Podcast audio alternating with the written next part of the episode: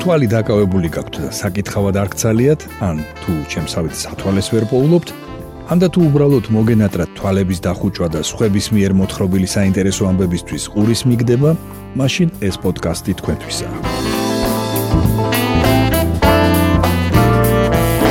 გამარჯობა. თქვენ უსმენთ რადიო თავისუფლების პოდკასტს მოლაპარაკე ტექსტებს. მოლაპარაკე ტექსტებს. მე ბიძინა რამიშვილი გახლავართ. აქ მოქმედი პირები არიან ტექსტები, რომლებსაც რადიო თავისუფლების ვებსაიტზე ვარჩევ თქვენთვის კვირაში ერთხელ და მათ მოსათხრობ ამბებად ვაქცევ ხოლმე.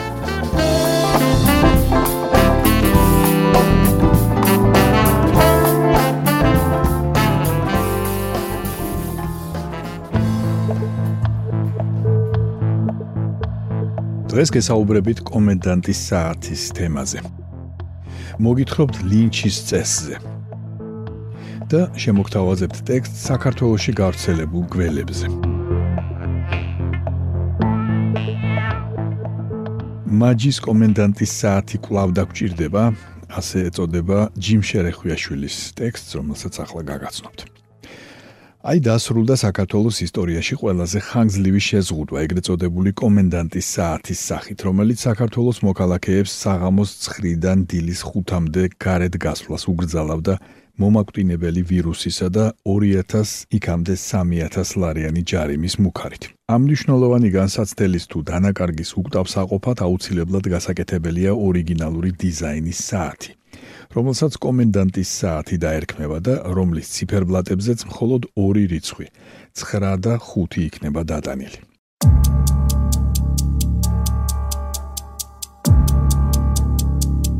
ისე სხვა ნამდვილი კომენდანტის საათებიც გვახსოვს. 7 ნოემბრის შემდეგ ზურაბ ნოღაიდელის მიერ გამოცხადებული. მანამდე სამხედრო საბჭოსი. უფრო ადრე კი 9 აპრილის ჯალათების, რომლებსაც არ ემორჩილებოდნენ მოქალაქეები. ყველა წინა კომენდანტის საათი მოსახლეობის სურვილის საწინააღმდეგოდ მართლ წესრიგის და სახელმწიფო ინტერესების დასაცავად იყო შემოღებული. განსხვავებული საფანელი დაუდეს უკანასკნელს, პანდემიურს, რომელიც ლამის ცხოვრების წესად გვექცა და რომლის ოფიციალურად გაცხადებული მიზანი ვირუსის გავრცელების პრევენცია მოსახლეობის აბსოლუტური უმრავლესობის ინტერესებს შეესაბამებოდა. მაგრამ ამის მიუხედავად განა დიდად გაამართლა რეკორდულად გრძელმა კომენდანტის საათმა. რბილად რომ ვთქვათ, არ გვაქვს კარგი სტატისტიკა. რა მოხდა ხელისუფლებამ ვერ ივარგა თუ ყველაფერი კლავ საიმედო მოკავშირის ობიექტური მიზეზების ან სულაც მერფის კანონის ბრალია. Nice shooting son. What's your name? Murphy. ლეგენდის თანახმად მერფის კანონთა კრებულს საფუძვლად უდევს კაპიტან ედ მერფის მიერ 1959 წელს გამოთქმული მოსაზრება, რომ თუ არსებობს თუნდაც ერთი შანსი უთვალავიდან შესრულდეს სამუშაო არასწორად, ჩვენები არაფრის დიდებით არ გაუშვებენ მას ხელიდანო. მერფის კანონები დროთა განმავლობაში გაფართოვდა და ადამიანის საქმიანობის თითქმის ყველა სფერო მოიცვა. თქვენ წარმოიდგინეთ, არსებობს სამედიცინო კანონმდებლობა და მათ შორის ვირუსოლოგიის კანონებიც. აი რამდენიმე მათგანი, რომელთა სისწორე შესაძლოა ბევრ თქვენგანს საკუთარ თავზე აქვს გამოცდილი. თუ ვირუსით დაავადებული თუნდაც ერთი მაყურებელი იმყოფება ხალხით გაჭედილ სტადიონზე, იგი აუცილებლად თქვენს გვერდზე დაიკავებს ადგილს. თუ ჩასახლდებით სამყაროსგან იზოლირებულ ბარო კამერაში ვირუსებისგან თავდაცვის მიზნით, მაშინ ვირუსი შეიჭრება ჟანგბადით უზრუნველყოფის სისტემის მთავარ კომპიუტერში და გადაკეტავს საჰაერო ონკანს. თუ შეპყრობილი ხართ ყველა სენით, რომელიც კი მძვინვარებს პლანეტაზე, მაშინ თქვენს ეზოში დაეცემა მიკრომეტეორიტი, რომელიც მოიტანს სრულიად ახალ ვირუსს. როგორც ჩანს, საქართველოს ხელისუფლება ყველაფერს მართებულად აკეთებს. უბრალოდ საქართველოს ის ქვეყანაა, სადაც ბუნების და პარლამენტის მიერ მიღებულ კანონებზე ზუსტად მერფის კანონები სრულდება. საქართველოსი მერფის კანონების მოქმედების თვალსაჩინოება კარგად ჩანს ქართული ოცნების საკადრო პოლიტიკაშიც. როგორ ფიქრობთ, რამხელა იყო იმის ალბათობა, რომ პრემიერ-მინისტრის თანამდებობაზე დააბრუნებდნენ მაინც და მაინც ყველაზე ცუდად კორუფციაზე მინიშნებით გადაყენებულ და გაშვებულ ირაკლი ღარიბაშვილს? რომ არა მერფის კანონები მამუკა ბახტაძესაც კი დაბრუნების ბევრად მეტი შანსი ჰქონდა, მაგრამ საქმეც ის არის, რომ მერფის მთავარი კანონი გვეუბნება – რომ თუ არსებობს თუნდაც იოტის ოდენა შესაძლებლობა გადაეყაროთ უფრო მეტ უსიამოვნებას, აუცილებლად გადაეყრებით მას. ახლა თუ ხვდებით რა კანონზომიერებით არის მართველი პარტიის თავმჯდომარე ის, ვინც არის. ან რატომ არის თანამდებობაზე მაინც და მაინც ეს ჯანდაცვის მინისტრი და მაინც და მაინც კოვიდ ჟამიანობის დროს. შეუიარაღებელი თვალითაც ჩანს, რომ საქმე ცუდად არის, მაგრამ რადგან მერფის კანონების მოქმედების ზონაში ვიმყოფებით, სინამდვილეში საქმე გაცილებით უფრო ცუდად არის, ვიდრე გონია. თუმცა, იმავე მერფის კანონების თანახმად, ეს სულაც არ ნიშნავს იმას, რომ არ უნდა გავიღიმოთ. გაიღიმეთ, ხვალინდელი დღე უარესი იქნება. გვეუბნება მერფის კანონი, რადგან ალბათ ვაქცინას კვლავ ვერ შემოიტანენ. თუ შემოიტანეს ყველაზე უხარისხოს და ისიც ვიდრე ჩვენამდე მოაღწევს გაუფუჭდებათ. და ბოლოს თუ რამე არ შეიცვალა, ორიგინალური დიზაინის მაჯის კომენდანტის საათი ალბათ კიდევ არაერთხელ გამოგვადგება, რადგან მერფის კანონების თანახმად თუ სულ მცირე შანსი მაინც არსებობს კომენდანტის საათის კვლავ შემოღებისა, მას აუცილებლად შემოიღებენ. ეს გახდათ ჯიმ შერეხვიაშვილის ტექსტი მაჯის კომენდანტის საათი კვლავ დაგჭირდება. თქვენ უსმენთ პოდკასტს მოლაპარაკე ტექსტებს. ახლა მოისმინეთ თეატოფურია სტატია ლინჩის წესი როდის ხდება ხალხი მოსამართლე და მკვლელი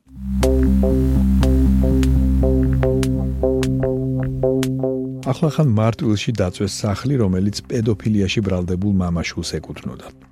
მეორე დღესვე ბრალდებულთა ოჯახის წევრებმა 65 წლის მამაკაცის ცოლმა და რძალმა 4 შვილთან ერთად სოფლის მოთხოვნით სოფელი დატოვეს. მომდევნო დღეს კი 25 ივნის სახლს ცეცხლი წაუგიდეს.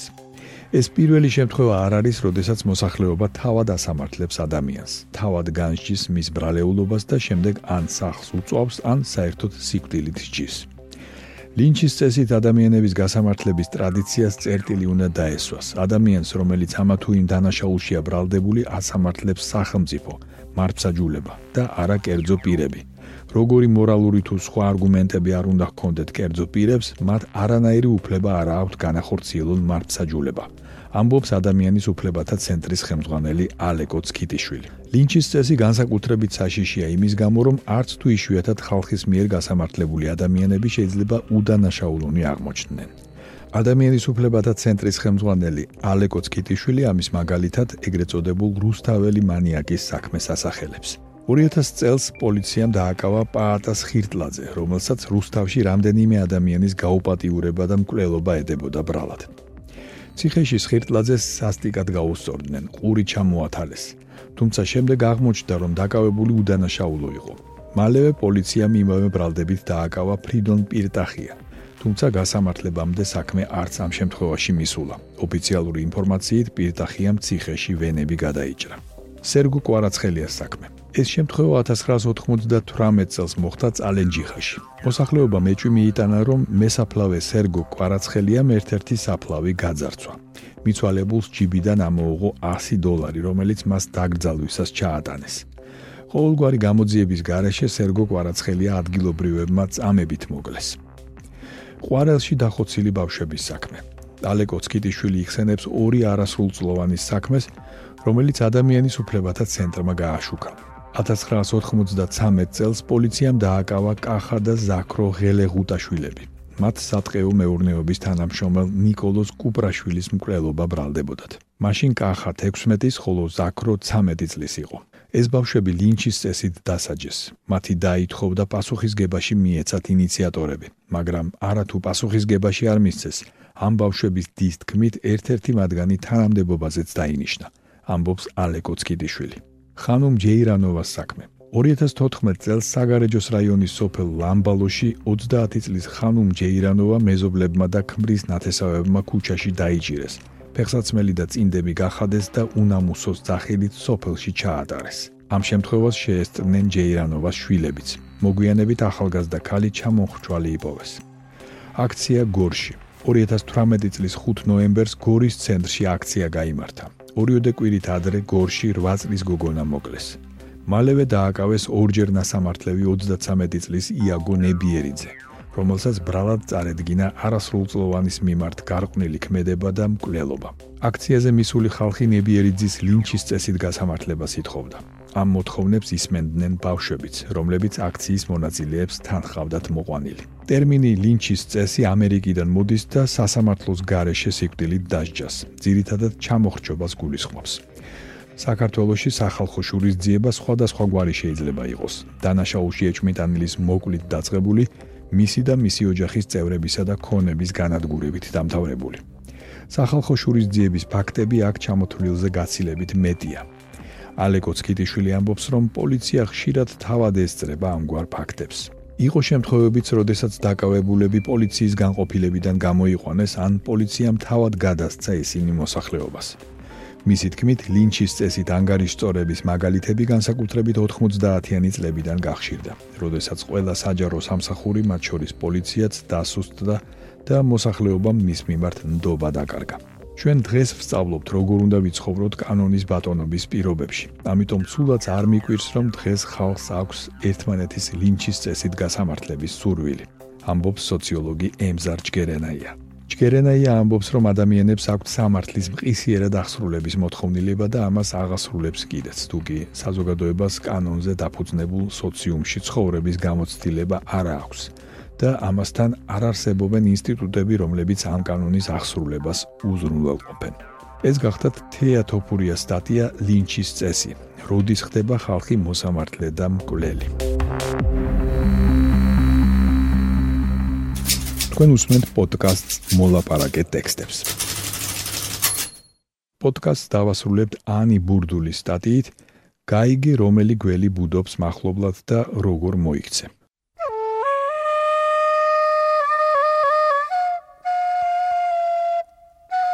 ცხოვრებაში ერთხელ მაინც თუ შეხვედრიათ გველი. რას შვებით ამ დროს? ადამიანების ნაწილი ცდილობს მის მოკლას, ნაწილი გარბის, ნაწილი შეშდება და ყვირის, ზოგი თანგარბის და თანღვირის. თუ გველი აქამდე არსად გინახავთ, ზაფხულის პერიოდი ის დროა, როცა მათი ნახვის შანსი იზრდება. ჰერპეტოლოგი, ქვეწარმავლების სპეციალისტი შოთა ზანდუკელი გვირჩევს, რომ გველისგან თავდაცვის ყველაზე სწორი გამოსავალი განრიდება. გველის მოკვლის მცდელობა შეიძლება თავდასხმის, უფრო სწორად გველის მხრიდან თავდაცვის მიზეზი გახდეს და უკბინოს ადამიანს. თავად გველი შეტევაზე არ გადადის, თუ მას საფრთხის განცდას არ შეუქმნით. თუ კი თბილისის ტერიტორიაზე ნახავთ გველს, შეგიძლიათ თბილისის მერიის ცხოველთა მონიტორინგის სააგენტოში დარეკოთ და განარიდებენ გველს თქვენს მიმდებარე ტერიტორიას, ამბობს ის. როგორ გავარჩიოთ გველი შხამიანია თუ არა? შხამიანი გველი ბევრად სქელია ვიდრე მისი ზომის გველები. აქვს ვერტიკალური თვალის გუგა, ვიწრო კისერი, მოზრდილი მასიური თავი და პატარა კუდი. თუ კი გველმა გიკბინათ, უნდა გამოიძახოთ სასწრაფო სამედიცინო დახმარება. დაწვეთ ჰორიზონტალურ მდგომარეობაში, რომ სიცხლმა სწრაფად არ იმოძრაოს. იყოთ უძრავად და მიიღოთ რაც შეიძლება მეტი სითხე. თუ კი გველი შხამიანია, კბენიდან მალევე იწყება წვის შეგზნება და ტკივილი, დალურჯება და ჩაშავება. ამიტომ მნიშვნელოვანია სასწრაფოს დალოდება. არ შეიძლება ალკოჰოლის დალევა, ნაკმენის დასერვა, ნაკმენის ამოწოვა, ლახტის დადება, გადახვევა, არც სპირტის წასმა. მოკლედ არაფერი. შხამიანი იყო თუ არა გველი, ამას ნაკმენითაც მიხვდებით. თუ კი ორი კბილის კვალი გეტყობათ, დიდი ალბათობით გველი შხამიანი იყო. ბრავლობითი ნაკაწრის შემთხვევაში შეიძლება დამშვიდდეთ. თქვენ უვნებელ გველს გადაეყარეთ. ასე დროს დეზინფექციის საშუალების გამოყენება დასაშვებია. სპირტით ან წყლით ჩამობანა. სულ საქართველოში 24 სახეობის გველია, მათგან 8 შხამიანი გველგესლა, რომელთაგან სიცოცხლისთვის სახიფათოა გიურზა. ის ძირითადად კახეთის რეგიონში, ქვემო ქართლსა და თბილისის სამხრეთ-აღმოსავლეთით მდებარე ფერდობებსა და ველებზე გვხვდება. არიან გველები და არიან გველის მაგვარი ხვლიკები, გველხოკერები. რომლებიც ჰერპეტოლოგ შოთა ზანდუკელის თქმით სრულებით უვნებლები არიან. გველხოკერა თბილისის გარშემო და რეგიონებში ხშირად გვხვდება. არიან უფეხო ხვლიკები და არანაირ საფრთხეს არ წარმოადგენენ. არ იგბინებიან. ღრნელებს ანადგურებს, პატარა ზომის გველებსაც კი ჭამს და სრულებით უვნებელი არსებაა. რაც არ უნდა მოხდეს, ის არ გვიკბენს, გვიხსნის ექსპერტი. თქვენ მოისმინეთ ანი ბურდულის სტატია გაიგე რომელი გველი ბუდობს מחლობლად და როგორ მოიქცე.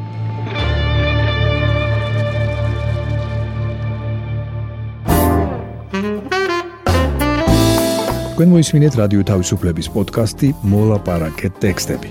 მე კვირაში ერთხელ ვარჩევ რადიო თავისუფლების ვებსაიტზე გამოქვეყნებულ ტექსტებს და მათ მოსათხრობამდებად ვაქცევ ხოლმე. ჩვენი პოდკასტი შეგიძლიათ გამოიწეროთ, ჩამოტვირთოთ ან მოისმინოთ პირდაპირ რადიო თავისუფლების ვებსაიტზე. მისი მისამართია თავისუფლება.ge თუ ჩემი მიერ მოთხრობილი ტექსტები სრული სახით დაგაინტერესებთ, მათი მოძებნა იულია. ვებსაიტზე, პოდკასტის გვერდზე იპოვეთ ყოველ ცალკეულ პროგრამაში მოთხრობილი ტექსტების ბმულებს. მე ბიძინა რამიშვილი ვარ. მომავალ შეხვედრამდე.